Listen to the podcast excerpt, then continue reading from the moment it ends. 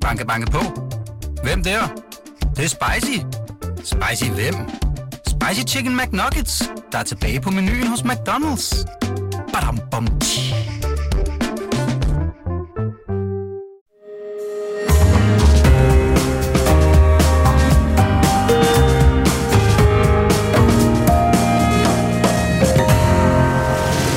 Du lytter til Korto og Steno, en podcast fra Berlingske. Godt nytår, kære lyttere, så er vi her igen. Krigen i Ukraine, ja, den går skidt. Øh, ikke bare for Rusland, og det gør den også for de ukrainske oligarker, der har mistet formuer undervejs. Men måske er det, i hvert fald i sig selv, øh, godt for øh, demokratiet og, og den demokratiske udvikling i Ukraine, altså når krigen forhåbentlig snart slutter. Det taler vi mere om med ukrainekenderen Johannes Vamberg Andersen, øh, der indtil russernes invasion øh, øh, var bosat i Kiev. Velkommen til, jeg hedder Jarl Kortua. Og mit navn er Torben Steno, og vi skal også uddele årets første fidusbamse i dag. Og hvem der skal modtage dette eftertragtede trofæ, det tager vi fast på til sidst i denne her øh, første time. Og hvis du sidder inde med en oplagt kandidat, så skal du ikke tøve med at skrive til os på vores Facebook-side Korto Steno.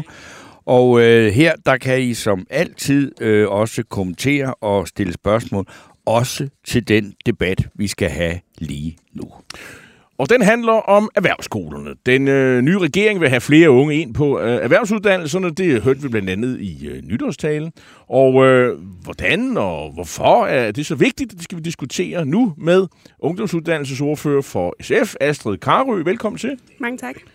Og øh, nyvalgt erhvervsskoleordfører for Socialdemokraterne, Thomas Skriver Jensen. Velkommen til dig også. Tak skal du have. Og øh, Thomas, øh, jeg, jeg så her forleden dag, at, øh, at du var enormt stolt over at, at blive erhvervsskoleudført, øh, Ordfører. erhvervsskoleordfører. Og øh, nu er I jo ret mange i Socialdemokratiet, så det der med at have en ordførerpost, det, altså, det, det er jo en, en underafdeling af en, en, en, en, en generel uddannelsesordførerpost. Hvorfor er det så, så vigtigt, øh, det her med erhvervsuddannelse, det bliver prioriteret? Jamen, øh, for mig der er det, fordi det var helt grunden til, jeg blev aktiv i politik i sin tid. Okay. Altså, jeg øh, blev aktiv i Metal Ungdom, hvor jeg var aktiv, inden øh, jeg blev valgt i Folketinget. Fordi jeg vil gøre noget ved de besparelser, der har været på erhvervsskolerne. Så det er derfor. Jamen, så, øh, så er det jo så fuldstændig klart. Hvad skal der så ske nu? Fordi vi har jo i overvis hørt øh, om, at der skal altså både øh, være gulderød, og der skal det ene og det andet for at få nogle flere unge mennesker til at være det. Og der er ikke sket en hudende fis i, jeg ved ikke, hvor mange år. Astrid? Astrid Kar. Det er rigtigt, at der ikke er sket nok, men jeg synes jo faktisk, at vi har taget nogle tiltag i den sidste regeringsperiode. Vi har både fundet nogle flere penge til erhvervsuddannelser, og man har faktisk også lavet en rigtig fin trepart i forhold til at sikre øh, bedre... Jo, men der er ikke rigtig, det er jo ikke sådan, at Nej, de det- vælter ind. Nej, lige præcis. Og det er derfor, det ikke er nok. Men det er bare for at sige, det, det er jo et, et problem, vi har haft fokus på. Også Ja. de sidste tre et halvt år. Jeg synes, det er rigtig godt, at Socialdemokratiet og regeringen vil have endnu mere fokus på det nu. Det vil vi meget gerne være med til. Det var bare for at sige, man har faktisk forsøgt at gøre noget ved det her. Og det, at man har forsøgt, gør jo også, at vi har måske prøvet nogle af de lidt lette løsninger. Og derfor tror jeg, at man skal være lidt mere kreativ nu, øh, for at finde ud af, hvordan vi kan få flere ind. Hvad har du i posen, Thomas Skriver Jensen, til at få Du det? repræsenterer jo regeringen nu. Et eller andet sted. Ja, et eller andet sted Wow. gør jeg. Flertalsregering. Et eller andet sted gør. Jamen, altså, jeg ser, at der er flere problemer. Øh, et, så er der noget med økonomien på erhvervsskolerne. Jeg ved ikke, om I lå mærke til det under valgkampen. Der var et par fyringsrunder på nogle store erhvervsskoler. Det er simpelthen ikke godt nok. Vi skal have styrket økonomien omkring erhvervsskoler, sådan, så det bliver attraktivt at gå der. Så får vi forhåbentlig også øh, bukt med et af de helt store problemer i, øh, i hele det her spørgsmål, nemlig frafaldsprocenterne på erhvervsuddannelserne. Jeg ved ikke, om I har kigget på dem for nylig, men vi er jo op omkring 50 procent, hvilket er fuldstændig uhørt. Øh, og, og så er vi også nødt til at kigge på, hvordan vi får flere både unge mennesker til at vælge det allerede i folkeskolen, men sådan set også, hvordan vi får efter- og videreuddannet flere. Fra, Du siger- og, og så det vil sige, at vi har en situation, hvor der er et fravalg, fravalg på, på 50 procent. Hvorfor skal vi så bruge flere penge på det? Altså, det virker jo til synligheden ikke. Det er jo ikke, at, altså, de unge mennesker falder fra, altså... Øh, Ja, det gør det jo, fordi altså, øh, det, de får stillet til rådighed på skolerne lige nu, ikke er godt nok. Er vi skal det bruge derfor, penge de på det, fordi det er fra? altafgørende. så det er noget sendt flere penge, er det det, jeg hørte dig sige? Nej, der er behov for at sende nogle flere penge, men det løser ikke, øh, det, løser ikke det hele. Der er for eksempel også øh, behov for, at vi taler en lille smule om, hvordan får vi øh, flere ufaglærte, som arbejder på arbejdsmarkedet i dag, til at se ideen i at videreuddanne sig til en farlig uddannelse, og sørge for, at det rent faktisk også kan lade sig gøre. Altså det kan det jo næsten ikke i dag økonomisk, hvis man har sat sig i hus med en kone, to børn og en bil, så kan du ikke lade sig gøre at uddanne sig videre til faglært. Det skal vi have øh, skabt muligheder for. Så det er endnu en, øh, øh, sådan en, en uddannelsesstøtte, I har i støbeskeen, eller hvad? Øh, øh, hvad siger du, Astrid Krav? Er det også det, SF... Øh... Øhm, jeg er meget enig i, at vi generelt skal have et meget mere fleksibelt uddannelsessystem, fordi vi har rigtig mange, der ikke får en ungdomsuddannelse, inden de fylder 25. Og når man er lidt længere i livet, ja, så kan det være, at man sidder med hus og børn, og så er det meget omkostningsfuldt at skulle ned på en SU på et grundforløb, for eksempel.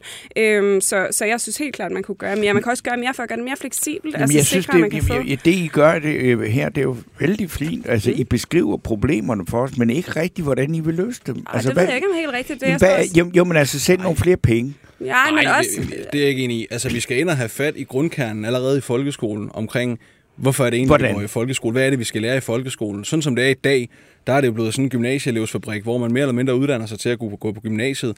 Og jeg kan simpelthen ikke tælle øh, til så mange historier, som jeg har fået omkring øh, unge mennesker, som egentlig gerne vil en erhvervsuddannelse, men som har fået at vide, at det er der ikke nogen fremtid i. Det er vi simpelthen nødt til at have fat i, i, i kernen af problemet. Det tror jeg allerede, det er. Hvem Er det hvem, er det, der der kommer, det? hvem, hvem er det, der kommer med, med, med, med, med den besked? Fordi øh, erhvervslivet Jamen, det vil- skriger, skriger jo på øh, af, af faglærte arbejder øh, med med. Jeg har, jeg har en øh, personlig en, øh, en familie, han har et autoværksted. Øh, han siger, vi kan, vi kan simpelthen ikke skaffe de unge mennesker. Vi, øh, vi, har, vi, vi har brug for nogle, øh, nogle lærlinge, for jeg sagde, hvorfor, hvorfor ansætter du ikke nogen lærlinge? Altså, det kunne du jo selv bidrage til. Gider købe alt det der kløng fra automekanikere, der ikke kan finde... Øh, øh, øh, arbejdskraft, og så man siger, vi har svært ved at Ja, det kan, jeg rekruttere. kan heller ikke få lærlingene.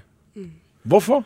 Jamen, fordi der ikke er nogen unge mennesker at tage, og, og, og for at svare på dit spørgsmål, dem, der har sagt det, det er jo nogle af de der håbløse typer, der har set alt for mange Morten Kork-film, og tror, at det at være smed, for eksempel, handler om at stå ude i et baglokale, drikke øl og være sort i hovedet. Det er jo ikke tilfældet i dag, og problemet er, den verden får vi ikke bredt ud for unge mennesker. Altså, der findes jo smedværksteder i dag, der er mere klinisk rene end hospitaler. Hvor mange folkeskoleelever? Tror I ved det? Jeg tror ikke, det er ret mange. Jamen, ja, altså, jeg, jeg øh, er jo meget gammel, og jeg har ikke nogen Morten Kok-drømme eller noget som helst. Altså, hvor jeg bare siger, hvorfor er der ikke øh, mennesker? Altså, hvad er det, der gør, at de ikke vil? Du siger, så, så er det nogle ufaglærte, der sætter sig i alt for meget øh, på et tidspunkt, altså køber hus og har børn, og, og de ikke kan, altså... Og så siger du, at det skal ske i folkeskolen. Men Hvad er det så lærerne, der skal stå og sige, husk nu, børn, der er ikke beskidt på et autoværksted mere, eller hvad er det? Nej, jeg synes... Ja, Jamen, altså, øhm, der var en undersøgelse for nogle år siden om, at øh, den gennemsnitlige UU-vejleder kendte kun ni erhvervsuddannelser. Der er over 100 erhvervsuddannelser, så det er jo for eksempel vejledningen i folkeskolen. Jeg er enig i, at dagligdagen i folkeskolen også kan være meget mere praksisorienteret, end den er i dag. Og det, det er der, vi er meget enige med regeringen i, også at sætte skolerne mere fri, så man kan gøre, hvad der passer til den enkelte elev på den enkelte skole, øh, i stedet for at skulle følge nogle meget restriktive regler fra, fra staten. Men det er altså også vejledningen, øh, som, som halter, og som der godt kunne være mere af, og den kunne også godt være bedre. Og så tror jeg også, man kunne gøre mere i brobygning. Altså ikke måske kun brobygning for at komme ud på erhvervsuddannelser, men også at komme ud i virksomheder og se, øh, hvad den smedige rent faktisk er i dag. Ja. Jamen, altså, Thomas Skriver Jensen, er det ikke bedst, man kan sige, det er at uh, sige til de unge mennesker, en håndværker i Danmark i dag, de tjener kassen, for det, det Jo. gør de. Jo, det kunne man det, det, hvorfor i alverden er det ikke tillokkende? Jamen, jeg forstår det heller ikke. Altså, jeg siger det hele tiden øh, på Fyn, hvor jeg selv kommer fra. Der har jeg besøgt en virksomhed øh, et par gange i løbet af det sidste år. Det har lært, de har lærlinge, der betaler topskat. Mm. Jeg forstår simpelthen ikke, at der ikke er flere unge mennesker, der kan se det ind i det. Du er tidligere formand for Dansk Metal Ungdom. Øh, er det ikke korrekt? Jo. Så sådan noget, sådan noget som jeg, I har sådan styr på overenskomst og sådan noget. Nu, nu er der godt nok overenskomstforhandling lige om lidt jo. Ja. Men med, sådan slag på tasken, hvad har sådan en, øh, en, øh, en, en udlært smedelærling, øh, øh, smedesvend, øh, første år, hvad har han sådan, eller hun? Hun? Det kan jo være en hund. Ja, det kommer an på, hvilken Øh, branche man vil i. Altså, der er simpelthen en branche, hvis kan være spændet så. Hvis du vælger at gå, jeg er også gammel tillidsrepræsentant, så jeg har faktisk forhandlet løn. Mm. Øh, hvis du vælger at gå rundt på et værksted, så vil jeg sige, nogle af mine kolleger, de havde vel en 20-25.000 udbetalt af smede. Så kan du vælge øh, at arbejde med noget lidt mere specielt. Altså det kunne være nogle af dem, der render rundt og svejser øh, vindmøller, når de skal stilles op, øh, så man er, er offshore. Altså der ligger du over en million. Det er jo Ikke altså, udbetalt, men, Jamen, øh, altså- men brutto? Nej, nej, men det er, jo, det er jo altså en ret pæn løn jo. Ja, det er det jo er sådan noget, øh, der kan konkurrere med akademikere. For eksempel dig, Astrid Karø, du er akademiker. Vi kan da heller ikke være med Hvad er det herinde. vildt, jo? Hvad, hvor, jamen, altså, nu, nu, skal, nu, skal, nu, nu, nu skal du ikke fordi dit eget valg og så videre, men, øh, men, men øh, hvad er jeres analyse af, at, øh, at penge, fordi den her, det er jo en tillykkende øh, løn, er, mm. hvad, hvad er det, der gør, at, at, øh, at det ikke er attraktivt? Øh, har I også været for, alt for flinke til at skubbe øh, øh, de unge mennesker ind i gymnasieuddannelser øh, og, og, og frem for at satse på erhvervsskolen? Mm. Altså, jeg tror, at man politisk over hele spektret begik en kæmpe fejl i nullerne, når man sagde, at vi, vi skal være et videnssamfund. Mm. Og derfor så satte man alt ind på, at, ting skulle, altså, at skolen skulle være mere akademiseret, at flere skulle i gymnasiet, flere skulle på universitetet. Og det var en kæmpe fejl. Øhm, og det tror jeg, at vi alle sammen har et ansvar for, faktisk. Alle partier på tværs i Folketinget. Oh. Øhm, og det er jo det, vi prøver at råde brud på nu. Men det er bare svært, fordi jo, jeg tror, at nogle unge vælger på baggrund af, hvad de får af løn. Men der er altså også unge, der vælger på baggrund af, hvilken prestige det har i samfundet. Jeg tror desværre, at vi er nået et punkt, hvor at det bliver set lidt ned på at sige, tage en altså, erhvervsuddannelse. Og de det synes jeg lønninger, er det er der vel også en vis prestige i. Øh, men Jo, jo, men det er, det er jo... Øh, Og så- Jamen, jamen, der er en lytter her, der mm. hedder Kjell A. Larsen. Jeg tror ikke, han er, han- er nok en lidt ældre herre. Han skriver, hvordan kan folkeskolen være gymnasiefabrikker, når de ikke engang lærer at regne, brøker og bøje tyske verber? Og det er jo egentlig ikke, fordi I skal svare på det, men er det ikke også, at det, at, at det som øh, den, det er, altså erhvervsskolen, det er jo, det er jo højt øh, kvalificeret. Altså, det er, jo, det er jo mindst lige så indviklet, og, og altså, der skal man kunne lige så meget matematik, som man skal kunne i gymnasiet, ikke? Absolut. Er det så ikke det, der så også gør, at der er nogen, der ikke siger, det skal jeg ikke have noget med at gøre? Jo, måske på nogle af dem. Altså, øh, matematik på min egen uddannelse, industriteknik. Jeg gik i klasse med flere, der havde gået på, på gymnasiet tidligere. Det har jeg jo det også selv. Altså, jeg havde matematik på B-niveau i gymnasiet. Jeg synes, det var væsentligt sværere, lige så snart man fik det i praksis og skulle, øh, og skulle finde noget til. Det tror jeg, du fuldstændig ret i. Så, øh, jeg skal- jeg skal lige høre, har, har du først taget studentereksamen, og så har du til at gå ud og få en øh, erhvervsuddannelse bagefter? Ja, og, ved du- og det var faktisk det, jeg ville have kommet med et svar til dig omkring øh, det spørgsmål, du stillede lige før. Altså, der var jo en fortælling i nullerne om det gode liv. Om at hvis man vil noget, så skulle man uddanne sig så lang tid som overhovedet muligt. Skulle man blive akademiker, fordi det var der alle mulighederne de lå. Den, og det er jo også det, Astrid siger, den fortælling, den var jo ved, den lever stadigvæk.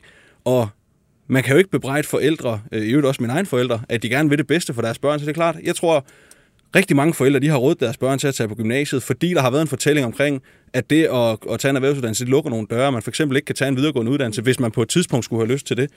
Øh, og, og det er jo det, vi skal have gjort noget ved.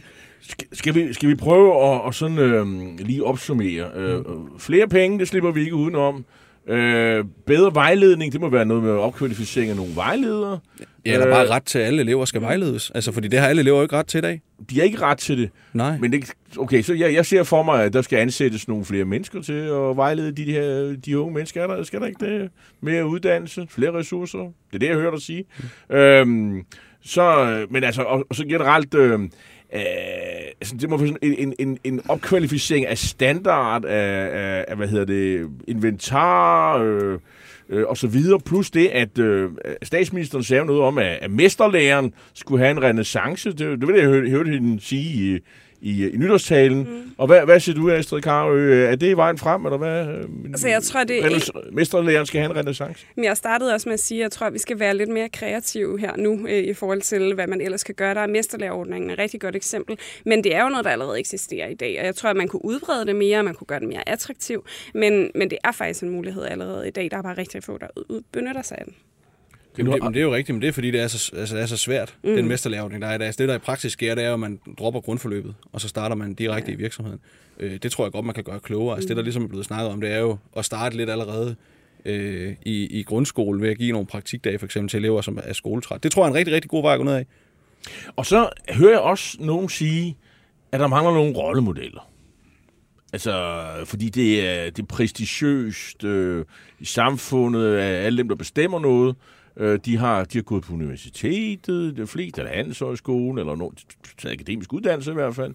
Mm. Øhm, og, og, og ellers så er det sådan nogen, der har gået på, ligesom Torben Steno har gået på journalisthøjskole, øh, eller noget, noget stil, ikke? Øh, men, men, øh, men der mangler øh, folk i, i, i, i samfundet, som måske nogen kan spejle sig i, øh, som har en håndværkeruddannelse. Men mindre de er kokke, har jeg indtryk af, eller frisører måske lige frem. Mm. Øh, tager jeg fejl her? Er det, er det en rigtig analyse, eller hvad? Øh, ja, jeg synes, du mangler, øh, og det kan jeg måske godt forstå, at du gør, øh, en ret vigtig pointe. Ja. Det er, at der skal være nogen, der fortæller om de, øh, om de rollemodeller. Altså hver eneste år... det er journalisternes skyld, og de kigger over på nej, Torben Steno. nej, det er ikke hver eneste år omkring juni måned, der kan jeg ikke til, hvor mange tv-indslag og avisartikler, der er omkring unge studenter. Og det synes jeg er fantastisk, for vi skal fejre øh, folk, der får en uddannelse. hvor mange journalister øh, kommer på besøg på erhvervsskolerne, når den faglige stolthed, den virkelig bare udspringer. For det er jo det, der sker, Jamen, altså, prøv når lige man at høre, præsenterer sin lad-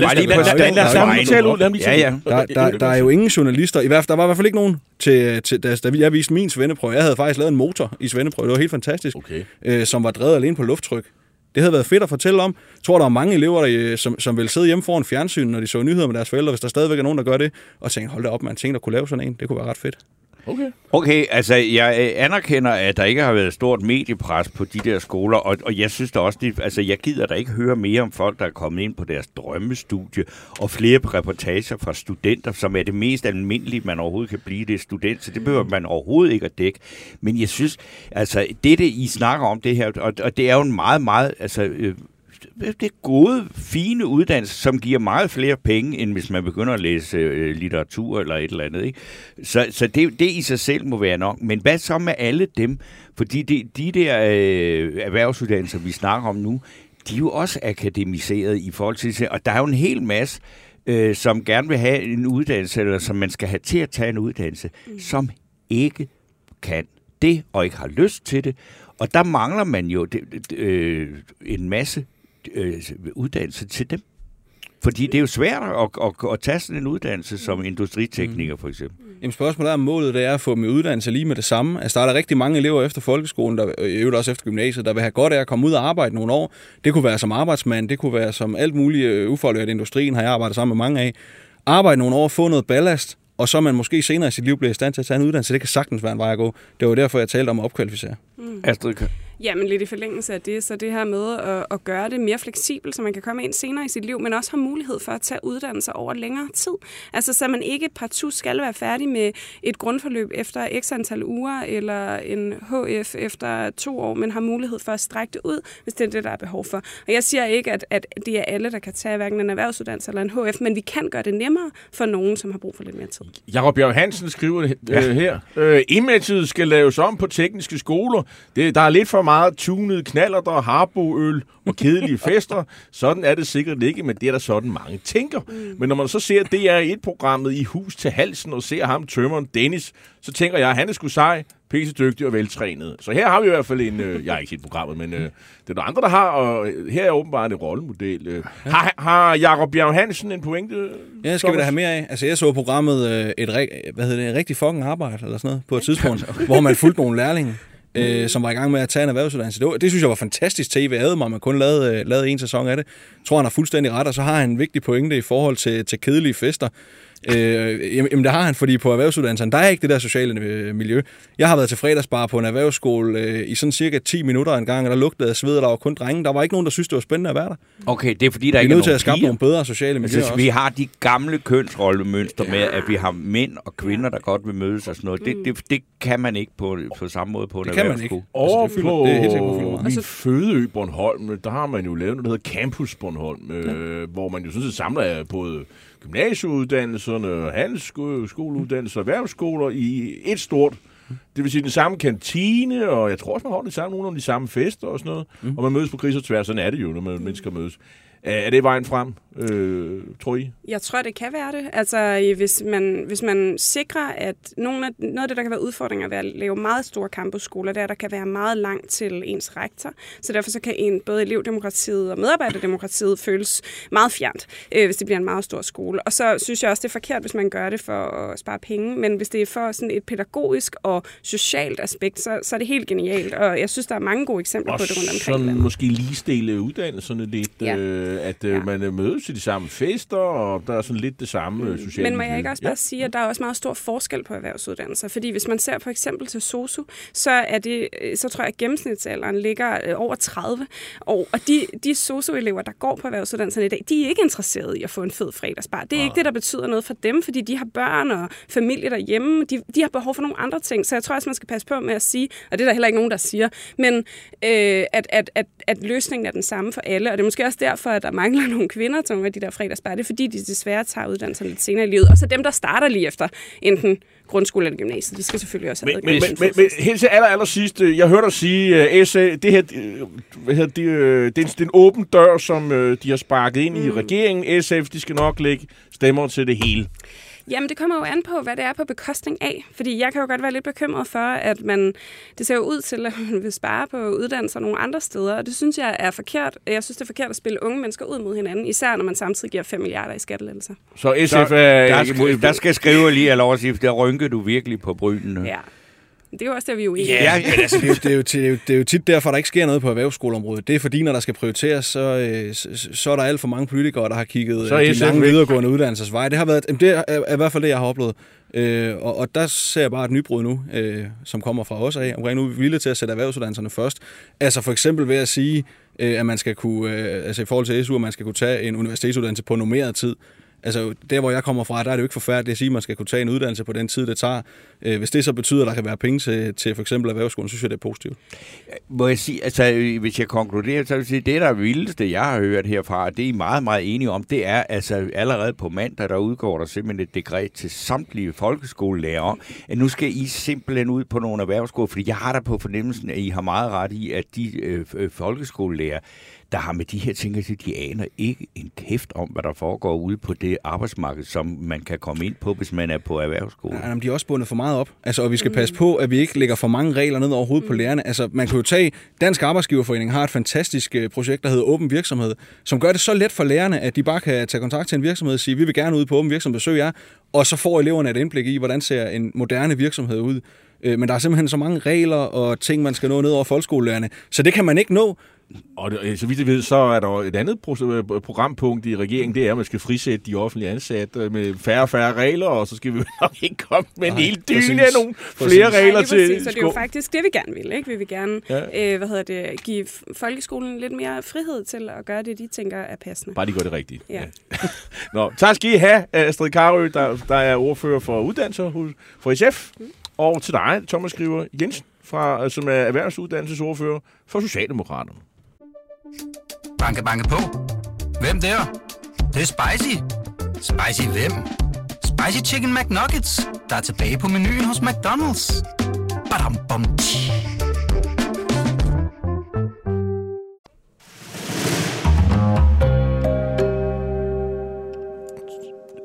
Det er jo en debat, som har skabt øh, en, øh, en hel del øh, lytterkommentarer, Ja. og jeg synes, de er rigtig gode faktisk. Øh, de allerfleste af dem. Øh, og vi beklager selvfølgelig lyden, der er dårlig og falder ud ind imellem hos nogle af jer. Øh, øh, jeg tror, det er Kate A. Larsen, der skrev, hvordan kan folkeskolerne være gymnasieelevfabrikker, når de ikke engang lærer at regne med brøker? Har du så læst den mm. op, eller hvad?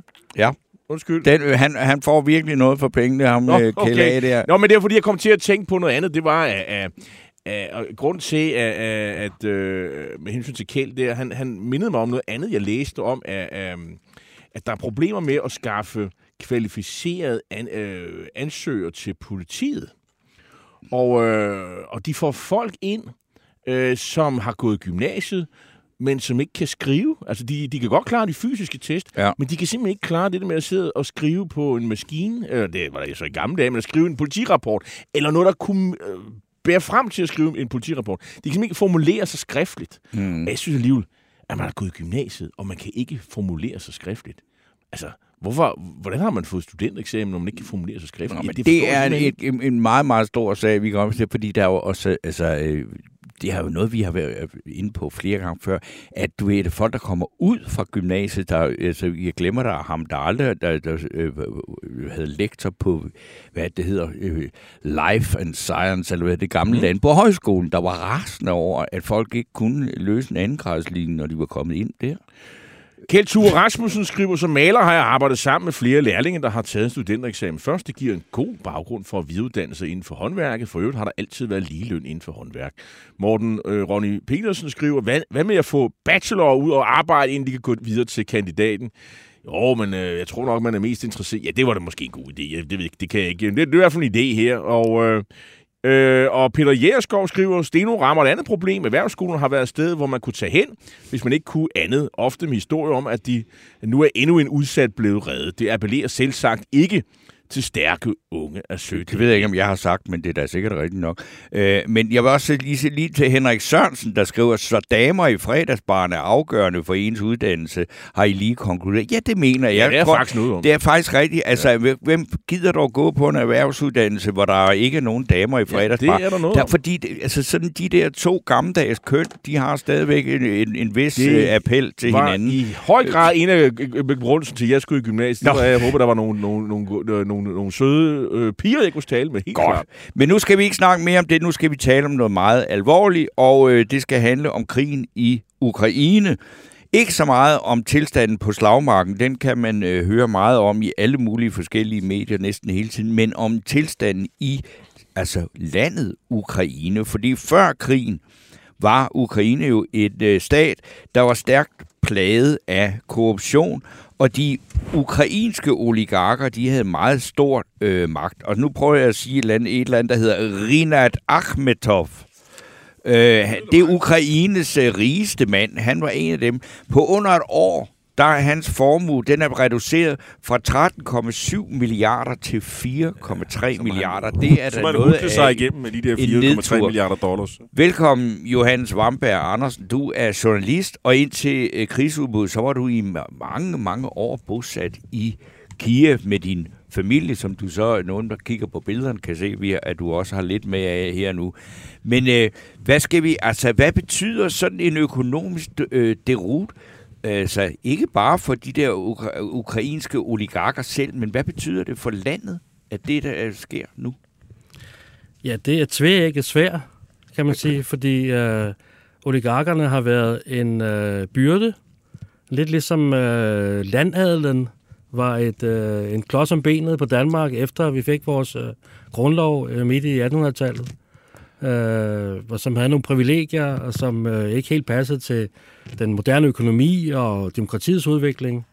Men, øh, men det er også et problem, fordi det er jo nogle enorme øh, kapitalressourcer, de har haft. Og det har jo også været nogle motorer for, for økonomien. Øh, den økonomi, der har været i Ukraine, den har jo været baseret på eksporten, på, på, på, på eksport af stål.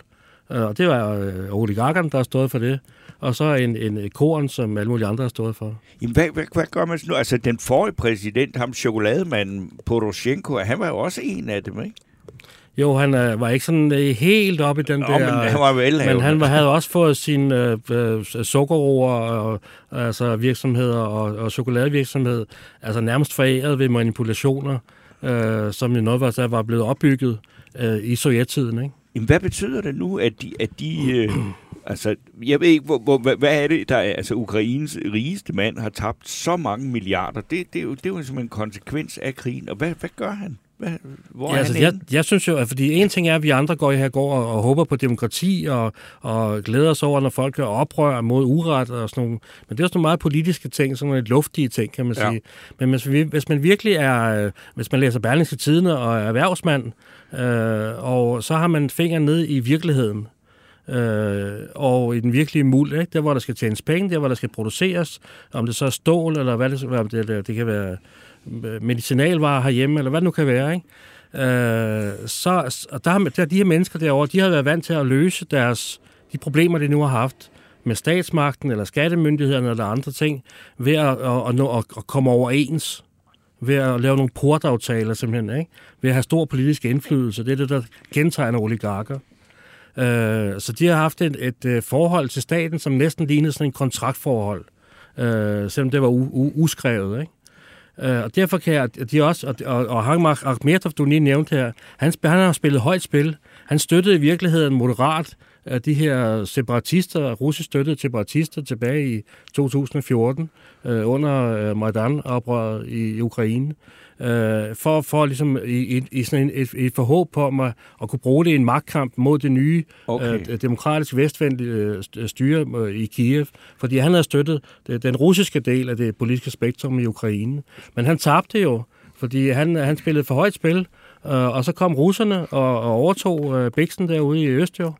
Øh, og så og, og at han har set sit øh, han, det er Mariupol som er blevet fuldstændig smadret og Azovstal øh, hans øh, stålværk som jo øh, øh, bestod af 45 adskilte øh, i virkeligheden virksomheder på det der enorme område som dækker et område på størrelse med Frederiksberg Kommune. Øh, altså, som man jo, som man jo heller, heller aldrig ville kunne have tjent penge nok til, hvis han virkelig skulle have investeret i det. Øh, det er jo også noget, han ligesom har fået fra ærende. Men det er jo at se det bare forsvinde. Altså, hvor, jeg kan ikke forstå, hvorfor han ikke ligesom har ringet til Putin og sagt, hey, det går altså ikke det her. Vi har, vi har, vi har gang i økonomi her, nu må I holde op. Men, men, men det vil sige, at øh, oligarkerne i Ukraine og tidligere, de har ligesom spillet på lidt forskellige hold. Øh, nogle har støttet det her pro-russiske partier, øh, og andre har øh, måske været mere vestligt orienteret. Og, øh, og, og, og dem, der har spillet på det pro-russiske hold, øh, de har, de har i hvert fald tabt.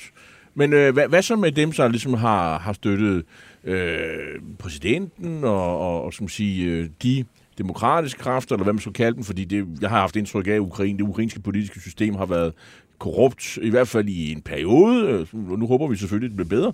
Men, øh, men, men øh, øh at oligarkerne har haft øh, frit spil, at, at der har været en alt for tæt øh, og usund øh, hvad skal man sige, forbindelse mellem øh, pengemagten og, og, og, og, og, og, og politikerne. Det har været ret åbenlyst. Øh, hvad er din analyse af det? Jamen altså, der var jo et øh, jordskredsvalg i virkeligheden i 2019. Øh, først, hvor, hvor Zelensky blev valgt med 73 procent af, af stemmerne, og så et efterfølgende øh, parlamentsvalg, hvor han høstede et tilsvarende stort, øh, næsten stort, øh, så stort, også parlamentsflertal, hvor næsten hele parlamentet blev skiftet ud. Og der var jo, jeg blev ringet op af en, øh, en ung journaliststuderende fra Danmark, øh, som var ved at skrive en opgave om, jamen, øh, kan det lade sig gøre, og så ændre den politiske kultur i et land? Kan det blive mindre korrupt, at, at, at, at, øh, at man skifter personerne ud? Øh, men det, det har ikke været tilfældet, desværre. Øh, ikke ikke på, sådan, på, den, på det virkelig store, på den store klinge. Og det skyldes ikke mindst oligarkerne jo, for de har jo bare købt sig indflydelse, og de har også øh, gået, på, gået på strandhugst, også i Zelenskis parti øh, i parlamentet.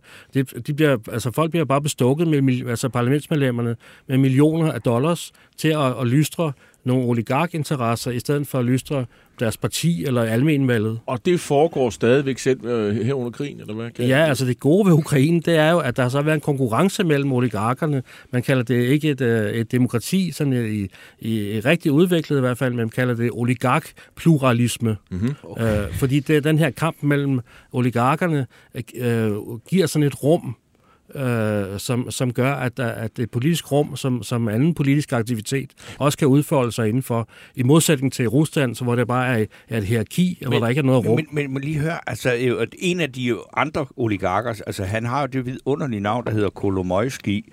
Det gør jo, at man har nemt ved at huske det. Han, han støttede jo Zelensky. Og så men, og, det hører også med til historien, at manden er bosat i Israel. Ikke? Jo, altså han... Hvad øh, laver han nu? Han, han øh, var... Øh, der var mange, øh, et, øh, hvad kan man kalde det, øh, ordentlige mennesker og folk, der opfattede sig som, øh, som nationalt sindede, som kan man også sige, som, øh, som, var, som var imod Zelensky, fordi han var støttet af den her oligark. Fordi den her oligark, han havde simpelthen øh, bedrevet, bedrevet underslæb for, for over, over 5 milliarder dollars fra et af Europas fattigste lande ja øh, ved at, at tømme sin... sin den, den, han havde grundlagt en bank sammen med en forretningspartner, som var blevet landets største bank. Øh, og den har han så bare tømt og overladt øh, øh, skraldespanden eller resten af den til, til, til statsmagten. Øh, og så var taget udland, til, til udlandet. Men han kom så tilbage, da, da Zelensky var blevet valgt øh, til Ukraine, og han går stadigvæk frit, frem, øh, frit rundt i Ukraine. Han er, han er nu inde på det seneste i løbet af år her blevet øh, indkaldt til nogle forhør og sådan nogle ting, og der er nogle amerikanske myndigheder, der er efter nogle af hans penge. Men, øh, man, det, der et, øh, det er virkelig noget, altså et øh, helt vanvittigt jo. Altså, men, men altså, altså jo, der, der er danskere, et, altså, hvor vi særligt, inklusive Et godt selv... eksempel på, at der ikke er nogen retsstat endnu i Ukraine, Nej. at han kan gå frit rundt. Ikke? Men, og, men det, og, og, og nogle penge der... har de jo tilbage. Og jeg tænker, vi danskere her, der er folk, der skriver eller sender 200 kroner ind til Dansk Ukraine for at, at støtte øh, Ukraine til at altså, give penge til våben kan, altså, er der ikke, kunne Kolomojski ikke øh, sætte nogle penge ind? Eller, altså, at de der mennesker, som har de der midler, at de, øh, hvor befinder de, kunne de ikke øh, støtte direkte med penge? Det sjove ved, i går så ved Kolomojski, det er, det har han faktisk gjort. Okay. Altså dengang, hvor, det, hvor lokummet virkelig øh, brændte øh, i sidste omgang i 2014, øh, lige, hvor, hvor der var sådan en magttamrum, der fik han jo næsten, øh, der fik han sådan det centrale østlige, ikke det allerøstligste, men centrale østlige øh, område i Ukraine, Dnipro, øh, Plitovsk-området, som en slags len, hvor han blev øh, øh, guvernør der. Øh, men det, der brugte han jo også sine egne midler på at oprette nogle private hære, altså militser, øh, som var med til at stabilisere den region og sørge for, at der ikke var russisk indflydelse der. Øh, så der, der optrådte han så i rollen, midlertidigt i hvert fald, som sådan en national borgerskab. Og det er jo det, som er problemet med oligarkerne, at det gør de som regel ikke. Men Øh, nu har vi jo haft den her krig. Øh, jeg har indtryk af, at det er sådan en, en national genfødsel, måske øh, en, Ukraine fødes som sådan en meget mere sammentømret land og befolkning øh, med et mål, og frit og uafhængig Ukraine, Ukraine, og forhåbentlig også med, med, med demokrati, og, og, og, og hvor de vestlige systemer måske er en ledestjerne, sådan har jeg det indtryk af. De vil gerne med i EU, de vil gerne med i NATO, øh, osv. osv. Og hvor passer sådan oligarkerne ind i det? At, at det er en del af pakken, at der også skal være et opgør med, hvordan tingene var i gamle dage. Spiller oligarkerne med? I hvilket omfang gør de det? Uh, vi er ikke rigtig nået dertil nu, kan man sige. Fordi det, der skete i 2014 med Majdan-oprøret, uh, øh, det sammenligner jeg lidt med sådan en, en borgerlig revolution, som vi havde midt i 1800-tallet. Og der var det første, der skulle demokratiet først konsolideres. Øh, og, og der visnede, som vi var inde på før, så visnede adelen ligesom stille væk øh, til, til, forskel, til fordel for et øh, industriborgerskab, kan man sige, ikke? Øh, som, som fik den, den reelle økonomiske magt. Ikke? Øh, I Ukraine, så er de her oligarker jo en... Øh, altså, jo mere oligarker der er, jo mindre demokrati er der. Og det er også derfor, at Ukraine, øh, Rusland har været med til at sørge for, at der var masser af gasoligarki i øvrigt. Ikke? Øh, fordi jo mere gasoligarki der var, jo, jo mindre demokrati i Ukraine. Øh, så derfor kan det selvfølgelig være, at der er ikke noget, der, er godt, at der er ikke noget, der er så skidt, at, ikke, at der ikke er godt for noget. Altså det kan være, at krigen kan føre til, at de her oligarker relativt får mindre indflydelse i Ukraine. Men, men, men det er ikke, der er ikke noget, der ligger ikke umiddelbart noget opgør med dem i den her krig, og det er jo en krig. Den, den konsolidering, som du taler om, national konsolidering, det er rigtigt, den er, den er stor, og den er, den er afgørende, men det er jo i forhold til den, øh, den øh, fremmede magt. Men jeg har indtryk af, at oligarkerne i Ukraine var også nogen, der hang ud med russerne og havde forbindelser til Rusland og Moskva og så videre. Øh, men her kan man jo ligesom ikke, her skal man jo vælge. Enten er man med, med, med styret i Kiev, eller så er man vel ikke. Øh, eller hvad? Jo, men selv Akhmetov der, som altså var øh, øh moderat pro-russisk og, og spillede på de øh, russiske følelser i, i øh, dele af Østukraine øh, tidligere, øh, Øh, han vil ikke, han, han, altså han, han har fået sit øh, øh, øh, hvad hedder det, stålværk smadret af, af Putin, og det var altså stålværk, som bare for fem år siden, der havde det et nettooverskud på en, en halv milliard dollars om året. Det er bare væk, ikke? Øh, så hvor står han i dag? Og, og, og, og det viser jo, og det, og det kunne man mærke dengang også, at det der med, at de var pro-russiske, det var en form for populisme, de kørte, for de vidste godt, hvis Putin kom ind og skulle uh, virkelig styre i Ukraine, uh, så ville de få hans kærlighed at føle. Der er jo ikke nogen oligarker, der har politisk indflydelse i Rusland, jo. Okay, så, så, så det jeg hørte dig sige, det er, at de, de, de, de ukrainske oligarker, de er med styret i Kiev. Alle sammen nu. Ja, det der er tilbage af dem, at de, der er de simpelthen tvunget til at bakke op om, øh, om, om staten i Ukraine, og man har også set det, altså sådan mindre, øh, mindre ikke oligarker, men sådan mindre, mindre erhvervsfolk, øh, mindre, kan man sige, rige, rigmænd, har især i foråret, da det virkelig brændte på, da der virkelig var, var fare for, at hele øh, den ukrainske stat ville blive indtaget, fordi hovedstaden var, var i fare, ikke? Øh, der gav de jo simpelthen øh, nærmest alt, hvad de havde, råb og stop til, til, til frivillige, der, der var med til at, at forsvare landet. Det har man også set eksempler på. Så du forudser, at fordi oligarkernes magt øh, er mindsket på lang sigt, så kan man håbe på, at der sker en større demokratisk udvikling. Det er det, det, det, det, det, der hørte sige. Ja, det, men det, det kommer ikke af sig selv. Nej, det, det har sådan noget aldrig gjort. Jo. Altså, det er Kjell A. Larsen, der skriver, ja, vi støtter de små banditter mod de store banditter. Er det rigtigt? øh, er, er det ikke alligevel? Så øh, ja. Nej, altså fordi uh, Ukraine er, som jeg sagde, det er, langt, det er langt, stadigvæk allerede nu jo et langt, langt friere land end, uh, end Rusland, også for borgerne. Mm. Uh, og, uh, og det gør at, at Ukraine fremstår som et håb for, at der kan være en, en fornuftig, øh, demokratisk øh, og europæisk orienteret udvikling, liberal udvikling. Det er jo ikke lige det, vi ser i Rusland for tiden. Det kan komme senere bevares, men, men der er en enorm forskel der. Godt. Johannes Vampe Andersen, tusind tak, fordi du kom og øh, hvad skal man sige, bidrog med din viden om det her, og også om, at øh, Ukraine jo også er et land, der er andet end et land i krig i nu, hvor der er foregår ting på den side også. På lørdag, der kommer også en øh, præst fra Ukraine, fra den øh, nyligt anerkendte øh, ukrainske, altså selvstyret kirke, ikke Moskva-kirken, øh, og holder en juleandagt i Københavns Domkirke kl. 14.30 på lørdag. Det, er det ikke Alt- sent med juleandagt? Jo, men det er fordi, man jo stadigvæk til dels Har bruger den øh, den gamle julianske kalender i den ukrainske kirke. Man er ved at gå over til vores kalender, men det er en proces. Så det vil sige, at man, skal, man fejrer altså jul her i januar. Ja, øh, juleandagt i Københavns Domkirke på lørdag kl. 14.30. Alle er velkomne. Godt, jamen det er simpelthen Godt, og det, der vil blive lagt i bøsserne, går ubeskåret til krudt og kugler i Ukraine. Ja, det ved vi jo så ikke. Må ikke.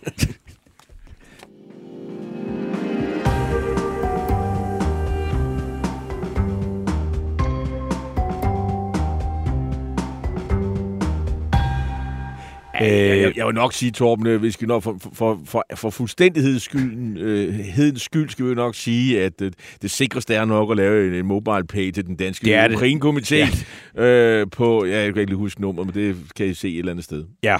Øh, men ja, og så vil jeg bare lige sige, altså det er Helle Vibeke Jonsen, der øh, jo sikkert med rette brokker sig over, at det er svært at få det optimale ud af vores samtale, når lyden kommer og går.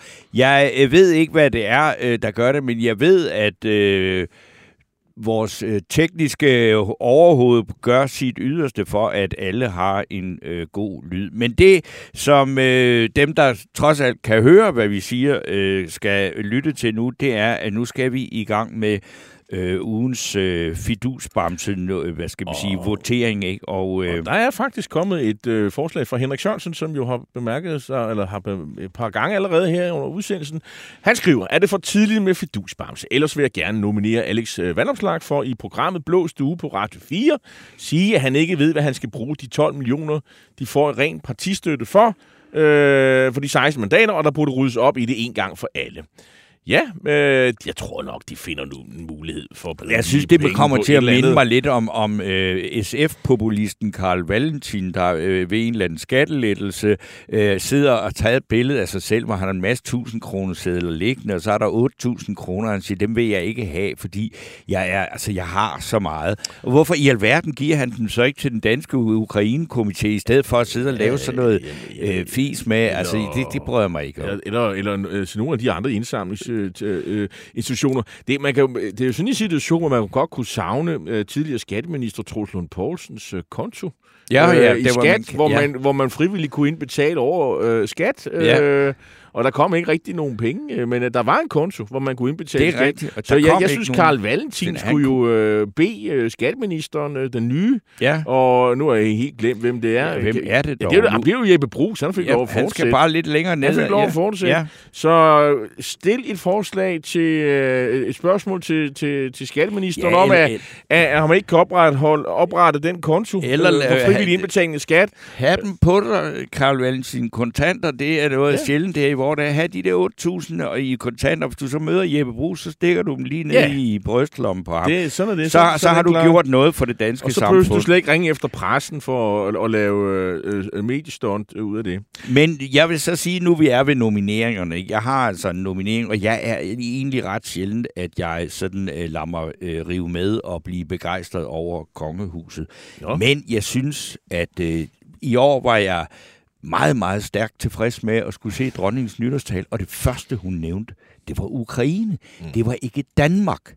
Fordi vi har så meget Danmark i Danmark, og selvfølgelig skal øh, kongehuset levere meget Danmark på Danmark, men det var meget, det var videre kvægende, at det, som er øh, det mest alvorlige proble- politiske problem og situation i vores dage, det er den krig i Ukraine, og hun talte direkte til de ukrainere, der befinder sig i Danmark. Det var, jeg, jeg synes, det var rørende, og jeg synes, det var rigtigt, og en meget fin prioritering, og jeg tror lige præcis, at når hun gør det, så har det en effekt, fordi at det, der er problemet blandt de mange problemer med den krig i Ukraine, det er, den har varet så længe, at det er svært at blive ved med at være interesseret i den øh, enorme tragedie, det er. Mm-hmm. Men når dronningen går ind og siger det der, så tror jeg faktisk, at det er med til at fastholde øh, vores interesse, og at øh, f- f- også være med til at sikre en opbakning fra det danske folk og danske politikere til Ukraine.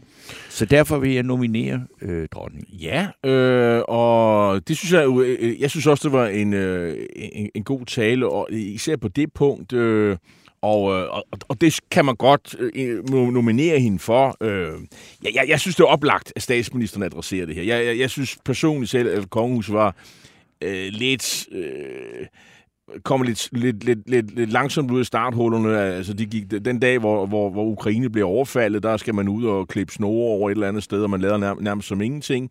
Så det går der, og jeg var faktisk egentlig meget kritisk, og gik ind og kritiserede det. Så hvad, altså, prøv nu at høre her, det er verdenshistorisk, og kongehuset reagerer nærmest ikke. Øh, og så gik der nogle dage, så var man pludselig nede, øh, lige nede om hjørnet fra Amalienborg, der ligger den ukrainske ambassade faktisk. Mm. Så var man nede og lægge blomster med, med børnene, kronprinsparet osv. Så, videre.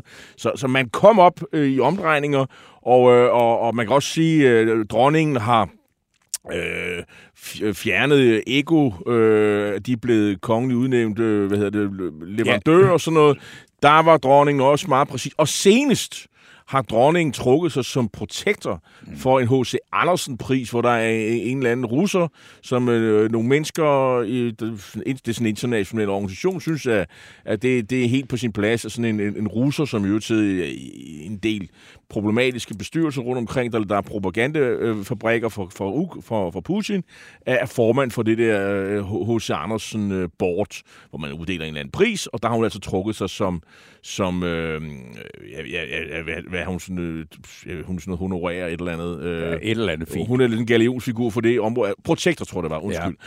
Så jeg synes, at øh, dronningen er helt synk med øh, også øh, regeringen og politikerne, det politiske niveaus holdninger til det her, og, og, og, og det er helt som det skal være, og, og det var en meget øh, indfølende og, og tale, og specielt det der med, at hun øh, henvendte sig direkte til ukrainerne i Danmark, og, og, og, og, og det synes jeg var, var, var rørende og stærkt. Så jeg er helt klar med på det, og, og nu skal hvis man egentlig, nu vi er i gang med rose dronningen, altså, øh, det, det er jo ikke altid, jeg synes, at det, der er grund til det, men altså, hun, hun tager også op det, øh, fat om det, som er det helt åbenlyst, nemlig at der er ballade internt i familien, mm. og med de der øh, prins- og øh, prinsessetitler, hvor, hvor hun siger tingene, som de er. Ja, selv i det bedste familie er der kur på tråden, og vi taler om tingene, og de er skuffede, de er sure, og ja, det, det må vi ligesom prøve at finde ud af. Og Ja, mere er der jo ikke at sige. Nej, og, men det gjorde men, men, men det er okay. Jeg lever også i den virkelige verden. Det synes jeg bare, I skulle vide. Øh, kære undersåtter, og det, det, det er egentlig meget betryggende. Det, det, nu nævnte du så lige uh, ekosko, og der er noget, jeg synes nu, at den her krig var så lang tid. Og hver gang jeg skal ind her og sende det her program, så går jeg forbi en ekosforretning øh, her i Købmagergade. Ja. Jeg fatter ikke, at den ikke er lukket, eller at der ikke står nogen uden foran og protesterer mod den. Men der er, jeg har holder øje med det. Det kan godt være, at det er for tidligt, men der er næsten aldrig nogen nej, kunder der. Og jeg opfordrer alle danskere til at kigge grimt og foragteligt på Der er Eko. ikke nogen mennesker derinde. Altså, det, Jamen det, altså, der er ekosko ude i, Gud hjælp med, i uh, skoringen ja, ude i Valby. Der er altså store center har jeg set. Hvorfor, det hvorfor stopper folk ikke med at købe ekosko? Det tror jeg også, de gør. Gør de det? Ja, det jeg, jeg håber det i hvert fald. Det er ikke smart at gå rundt med ekosko. Nej, det vil jeg da ikke øh, det, det er det bare ikke. Men, men, men det er jo klart, de, de har jo nogle langtidslejemål, og det skal jo ikke hedde sådan. Altså, de, altså, de laver jo... Altså, Eko øh, har, øh, har lavet et sats, kan man sige. Og de, og de mener i, på det lange sigt, ja. så er det bedre for dem at blive i Rusland, end at hoppe ud og tage skraldet her nu. Det er sådan et, et, et gamble, kan man sige. Ja, ja. Og, øh, og så må de bare øh, tabe nogle penge i Danmark, fordi de sælger nogle sko i Rusland. Øh, det er fordi alle de andre skoforretninger er jo formentlig lukket. Ikke? Øh, I hvert fald dem, der er vestlige og sådan smarte design og så videre. Men ja, der er formentlig, formentlig ikke nogen, der vil stille sig op og være reklamesøjle for, for, for Ego. Det skulle da lige være Brian Laudrup, eller Laudrup-brødrene, eller Peter Smeichel. Det, de, ja, ja, det er klart. Det, det, det er bare et spørgsmål om prisen, så skal ja, de nok være, det, er det. det er jeg sikker på. Men øh, jeg vil så sige, det er også øh, øh nu, vi har øh, op at vende med, med forskellige indsatser. Jeg vil overhovedet ikke øh, nominere en øh, Jakob Engel Schmidt, den nye kulturminister, for, til en fidusbar. Men jeg synes faktisk, det er meget interessant, at manden øh, i et øh, større interview siger, at nu vil han gerne se, om vi ikke kan få gennemført morgensang på alle skoler. Ja, og, og det er... Det, det, jeg, jeg, jeg, synes jo, det er lidt sjovt, fordi det, det, det er jo sådan noget, der ikke koster nogen penge. Øh, Ja, det på, gør på, det ikke, På den nej. anden side, og- men, men det viser jo sådan noget kulturel dannelse, og, og det man også læ, øh, at man at man er optaget af det. Engel Schmidt slår mig ikke som en, der er sådan specielt kulturelt interesseret. Jeg, jeg er heller ikke det, Det modsatte. det da heller ikke at være for men, øh, men det her er et rigtig godt greb, fordi det er ikke noget, der koster nogen penge. Nej. Og, og jeg tror også, som jeg husker det, det er jo ikke, det er jo ikke sådan, som det skal være sådan et dekret for Christiansborg, fordi der er jo underliggende jo også et øh, politisk projekt øh, for den her regering, og det er noget af det, jeg synes, der er mest sympatisk ved den her regering, hvis de vel og mærke kan opretholde det her, øh, og det er et spørgsmål, hvor længe de kan, nemlig at man vil sætte den offentlige sektor fri, og så kan det jo ikke nytte noget, man kommer og siger, nu skal der være en morgensang. Nej, nej, nej. Hvis det men- er, at man øh, ude lokalt synes, at ved du hvad, det vil vi ikke bruge tid på, vi vil hellere bruge tid på noget uddannelse af de unge mennesker. Øh, øh, sådan noget med morgensang, det må de klare andre steder. Jeg ved jo så, at der er en masse friskoler, øh, og, og, formentlig også folkeskoler lokalt, det har jeg ikke indtryk af, men, men, øh, men der, jeg ved i hvert fald, der i blandt friskolerne, der er der morgensang. Ja, ja, Øh, og ikke hver dag, så i, i, i, en gang imellem. Og, og, øh, men det er da fint, at han... Øh, Jeg lagde bare mærke til det, Jamen, ja, og han har og- sagt, og- sagt alt muligt og andet om giver- sit nye og embede. Der kan jeg ikke huske et ord Og det af, giver hvad jo også sagt. ham øh, øh, et, et, et sådan skær af åndelighed og kulturel dannelse og sådan noget, og, og, og, og som jeg ikke har indtryk af, af, af Altså, Jacob Eng Schmidt er sådan en, der siger Netflix-serier, ligesom alle os andre. Jeg Det er han også en masse kultur. rockmusik og... Jamen, hvad- rockmusik. Øh, Hvad er det, du øh, sidder og... Hvad, hvad er øh, øh, kultur? Er det ikke Netflix Jo, men altså, og jeg, har bare, altså jeg, jeg, jeg siger bare ikke ham som sådan et kulturelt fyrtårn. Det skal man da helt- heller ikke Men helt ærligt, hvem, hvem, hvor mange af de, øh, hans forgængere var det? Ja, nu du er Øh, inde på hans forgænger, Ane Halsbo Jørgensen, Ja. Hvor jeg tænkte, det er noget af det mest latterlige og tåbelige, der er sket i den nu. Det var, hun var selvfølgelig til nytårstafel hos dronningen. Mm. Og så sidder der som sædvanligt en eller anden kjoledesigner og kommenterer på kjolen. Og så kommer han til at sige om Ane Halsbo, at øh, hun kan bære pajetter, fordi hun er meget slank. Fordi pajetter, det er noget, der egentlig gør folk sådan lidt tykkere at se på. Og så er der kunne hjælpe med folk, der mener, at det er helt grotesk. Man må kun kommentere øh, kjoler, men ikke den krop, den sidder på. Fordi at så er det øh, sexistisk og gammeldags ja. og alt muligt. Så siger jeg, jamen prøv at høre, at alt tøj sidder der på en krop. Altså, og hold da op. sagde jo bare sandhed. Jamen altså, og det, er da, altså, jamen, det er jo da helt vanvittigt, Det er jo- og, og, altså, at det kan blive en sag, at det skal være... Og han har specielt- gud hjælp specielt- med været ude og undskylde. Ja, men det er fordi, Jamen, det, altså- er, det er fordi, det jeg har fat i. Jamen, ham, der jeg hører her om det. Hvis, hvis ikke en kjoledesigner, han kigger på den krop, han skal øh, be- beklæde, så vil det da være helt vanvittigt. Altså, hvad er det for Og- et sindssygt liv, vi skal leve? Om- Selvfølgelig skal vi da kigge på hinandens kroppe, og vi, altså, det gør vi jo. Men det er jo fordi, så kommer, så er der øh, de, de, de, de her øh, mennesker, som, øh, Jamen, som altså- mener, at, at samfundet øh, lider af tykfobi. øh, Jamen, hold op. Efter ham. Jamen, de er jo, men problemet, altså sagen er jo, havde, havde Anne Halsbo været tyk, Ja. ikke? Og han har sagt, ja, det kan hun fandme ikke. ja. Ej, man kan sgu ikke have sådan noget på, når man er så tyk. Det, er fandme, det går sgu ikke. Nej. Men, men, men, men det sagde han jo ikke. Han Nej. sagde netop, jamen hun er jo øh, smuk, slank Men- men kvinde, jeg synes, ved du og hvad? hun kan bære det. Jeg han synes, var jo det- positiv. Han, Han, talte jeg op, synes, mand. at vi skal derhen, hvor er det hvor en kjoledesigner også kan sidde og sige, ved du hvad, den der kjole, det er hun simpelthen for tyk til at bære. Det er et fejl. Ja. Og altså, fordi det er jo sådan, vi, altså, hvorfor må vi ikke tale om det, som alle kan se? Ja, ja. Det er helt vildt. Altså, og de der mennesker, der går til nytårstafel, de har da formentlig selv tænkt sig om, øh, hvad de har taget på. Så- Fordi de er klar til at lade sig kommentere på. Men fra nu af, så synes jeg, det de mennesker, der forlanger det, så skal kjolerne bare vises hængende på en gine, fordi vi må ikke se den krop, den skal bære. Den. Søren Andersen, han mener, at Ego-sko er bare bedre, og, og det kan da godt være. Men så hold dog Øh, op med at gå i dem alligevel. Det, jeg, jeg har faktisk også været Ego-kunde øh, tidligere, men det er jeg holdt op med. Nå. Ja. Nå, men, så, men, men, men Københavns Rådhus, dem hører man aldrig fra. Det som jeg har, jeg har været kom- kommentator på Københavns. Rådhus, ja. Københavns Politik, og det, det, det er sådan et emne, man kun beskæftiger sig med, når der er ballade. Ja, det er der jo så og, også og, næsten når, der, når tingene kører, og det er sådan rimelig fornuftigt, så hører man aldrig noget fra Københavns Rådhus, så det er kedeligt at beskæftige sig med. Mia Nygaard, radikal kultur- og fritidsborgmester, ja, hun bliver nu også øh, udskammet for at ikke at høre ja. efter, hvad, øh, at have skrejet og, og, og opføre sig skidt over for Overfuset, øh, medarbejderne. Og, øh, og vi kan huske Venstrekvinden, øh, Ja, ja, hun måtte Lonning. Skovgaard, hun måtte også gå af og sådan noget. Men, men hende Men- her, hun har siddet altså, i tre år som borgmester ja. Ja. i en anden forvaltning uden nogen problemer. Hvad, Ja. hvad er det, der foregår på det rådhus? Altså, jeg, jeg vil meget nødig være specifik her, men altså, man kan jo... øh, Altså, måske er der nogle af de her kvinder, som, øh, som øh, simpelthen har en kort lunte, og... Øh, og Hvem, hvem, altså dem i forvaltningen? Nej, men altså, det må være... Det er jo borgmesterne, der er Men jo, hvorfor, hvad hedder det? hvorfor, hvorfor, Altså, altså, hende der, men- Mia, hvorfor bliver hun først øh, ilter og aggressiv, efter hun kommer over er i den forvaltning? Vi har jo også en sag fra Helsingør, hvor med, med, med, altså, der skal jo nok ikke så meget til, før at øh, medarbejdere reagerer på, hvad vil man finde sig i nu om stunder?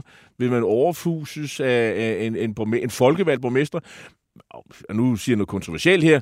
Altså, øh, vi har jo øh, folkestyre. Vi, vi Ja. har jo ikke sådan øh, medarbejderstyre. Øh, men skal man som medarbejder i den offentlige forvaltning finde sig hvad som helst? Øh, hvis det her ender med, at hun må trække sig, så er der altså to borgmestre, Ja, som er, som er sådan blevet underkendt af medarbejderne.